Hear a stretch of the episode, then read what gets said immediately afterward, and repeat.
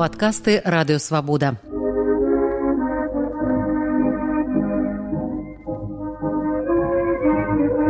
Сто гісторый пра БНР з Сергеем Шупам.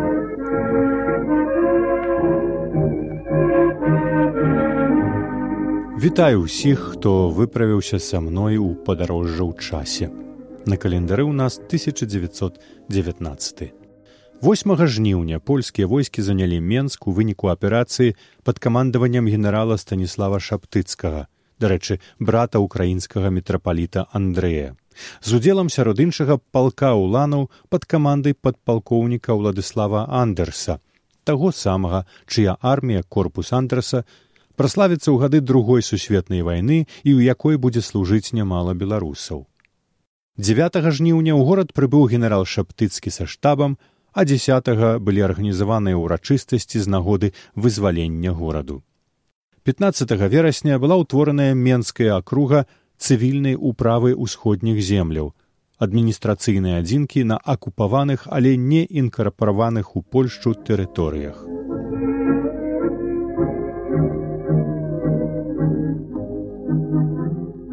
У Менск пачалі вяртацца беларускія дзеячы і радныя рады БНР, якія былі абвешчаныя бальшавікамі па-за законам. Ужо 10 жніўня быў заснаваны часовы беларускі нацыянальны камітэт, у які ўвайшлі прысутныя ў менску радныя, а таксама прадстаўнікі беларускіх арганізацыяў, якія існавалі пад бальшавікамі нелегальна, культурна-навуковага таварыства, хрысціянска-дэмакратычнай злучнасці, першага таварыства драмы і камедыі, вучыцельскага хаўрусу ды іншых старшынём камітэту быў абраны александр прушынскі паэт алесь гарун. Беларускія незалежнікі зноў на кароткі час менш чым на год апынуліся ў менску. У параўнанні з нямецкай польская акупацыя была праблемай больш сур'ёзнай бо ў адрозненне ад немцаў побыт якіх у беларусі быў часовы палякі рэальна прэтэндавалі на занятыя землі рада народных міністраў у сваім мінімальным складзе два чатыры чалавекі тым часам працавала ў берліне пад кіраўніцтвам выканаўцы абавязкаў старшыні васяля захаркі на базе надзвычайнай дыпламатычнай місіі бнр. Яскравым эпізодам стала вартая гістарычнага кінатрылеру акцыя ўратавання пазыкі замарожанай у нямецкім банку галоўнай гераіняй сюжэту была кур'ерка аўгіння алексючанка якая мелася знайсці на шырокіх усходнееўрапейскіх абшарах урад украінскай народнай рэспублікі перапісаць акрэдытыў з нямецкага банку на аўстрыйскі і жывою вярнуцца адолеўшы ўсе перашкоды і небяспекі. Падкасты радыёвабода падарожжа ў бнр з сергеем шупам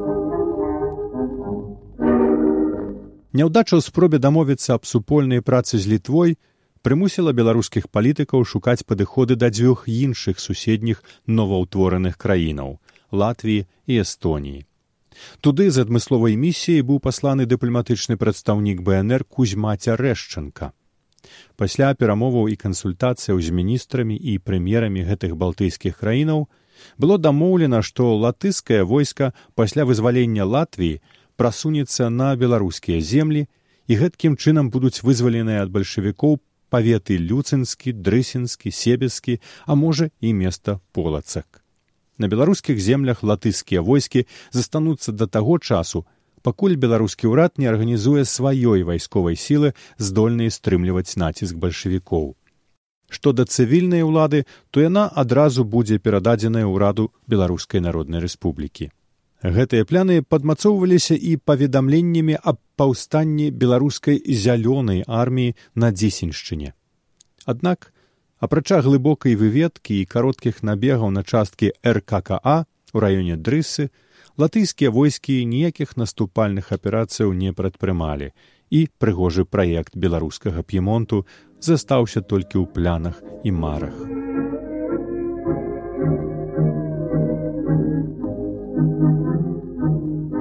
З прычыны раптоўнай важнасці балтыйскага кірунку беларускай дыпламатыі была заснаваная вайскова-дыпламатычная місія бнр у латвіі на чале з кастусём езавітавым з мэтай рыхтаваць збройныя сілы для аперацыяў з тэрыторыі латвіі. Прымаючы пад увагу, што для рэпрэзентацыі місіі яе вайсковым супрацоўнікам трэба мець адмысловую беларускую форму, было вырашана выдаць палкоўніку Ізавітаву і падпалкоўніку шоўкаваму, а таксама сакратару місіі чарапуку у парадку выключэння з агульнага парадку аднаразовую дапамогу на беларускую абмундзіроўку. У такой форме выступае езавітаў на вядомай фотцы з снежня 19 -го году. З увагі на пышнасць афармлення выглядае, што дызайнерам абмундзіроўкі быў ён сам. Падкасты радыёвабода. Падарожжа ў БНР з Сергеем Шупам.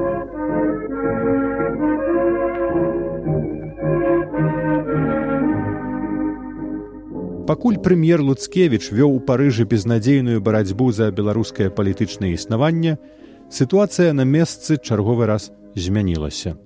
Польскія вайсковыя аддзелы занялі беларусь да бярэзіны. Узніклі ўмовы для аднаўлення палітычнай працы на месцах што пад бальшавіцкай акупацыяй было немагчыма і вось у такіх умовах антон луцкевіч сустракаецца ў парыжы з польскім прэм'ерам ігнацым падырэўскім гаворыць з ім як роўны з роўным і згаджаецца на ягоную прапанову прыехаць у варшаву і згаварыцца на месцы. Прыехаўшы ў варшаву першага верасня, Луцкевіч заўважае, што там з ім ужо ніхто як роўны з роўным не гаворыць. Пакуль Луцкевіча вадзілі за нос польскія палітыкі, ён на нейкі момант страціў кантроль над узначальванай ім радай народных міністраў. Застаўшыся без дагляду ў берерліне эсэфы это значыць сацыялісты федэралісты захарка і крычэўскі працягвалі імправізаваць на тэмы дыпламатыі.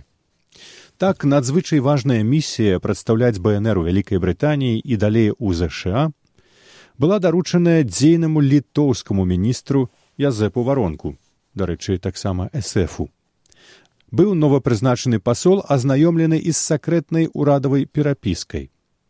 Яшчэ адзін удзельнік берлінскіх паседжанняў кузьма цярэшчынка даўні зацяты вораг варонкі паклапаціўся каб буцкевіч даведаўся аб гэтых кроках у самых драматычных фарбах. Рэакцыя прэм'ера была бязлітаснай прызначэнне варонкі ануляваць а захарку адхіліць ад пасады намесніка старшыні у сувязі з выдачаю члену ўраду варожай нам дзяржавы тайнай дыпламатычнай перапіскі пасля жарсці крыху астынуць але адносіны паміж беларускімі палітыкамі будуць надалей пагаршацца, пакуль усё не выбухне ў менску 13 снежня.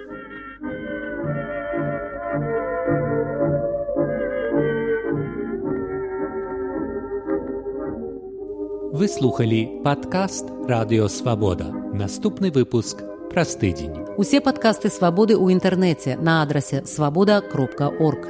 Штодня у любы час у любым месцы, калі зручна вам. Свабода кропка орг. Ваша свабода.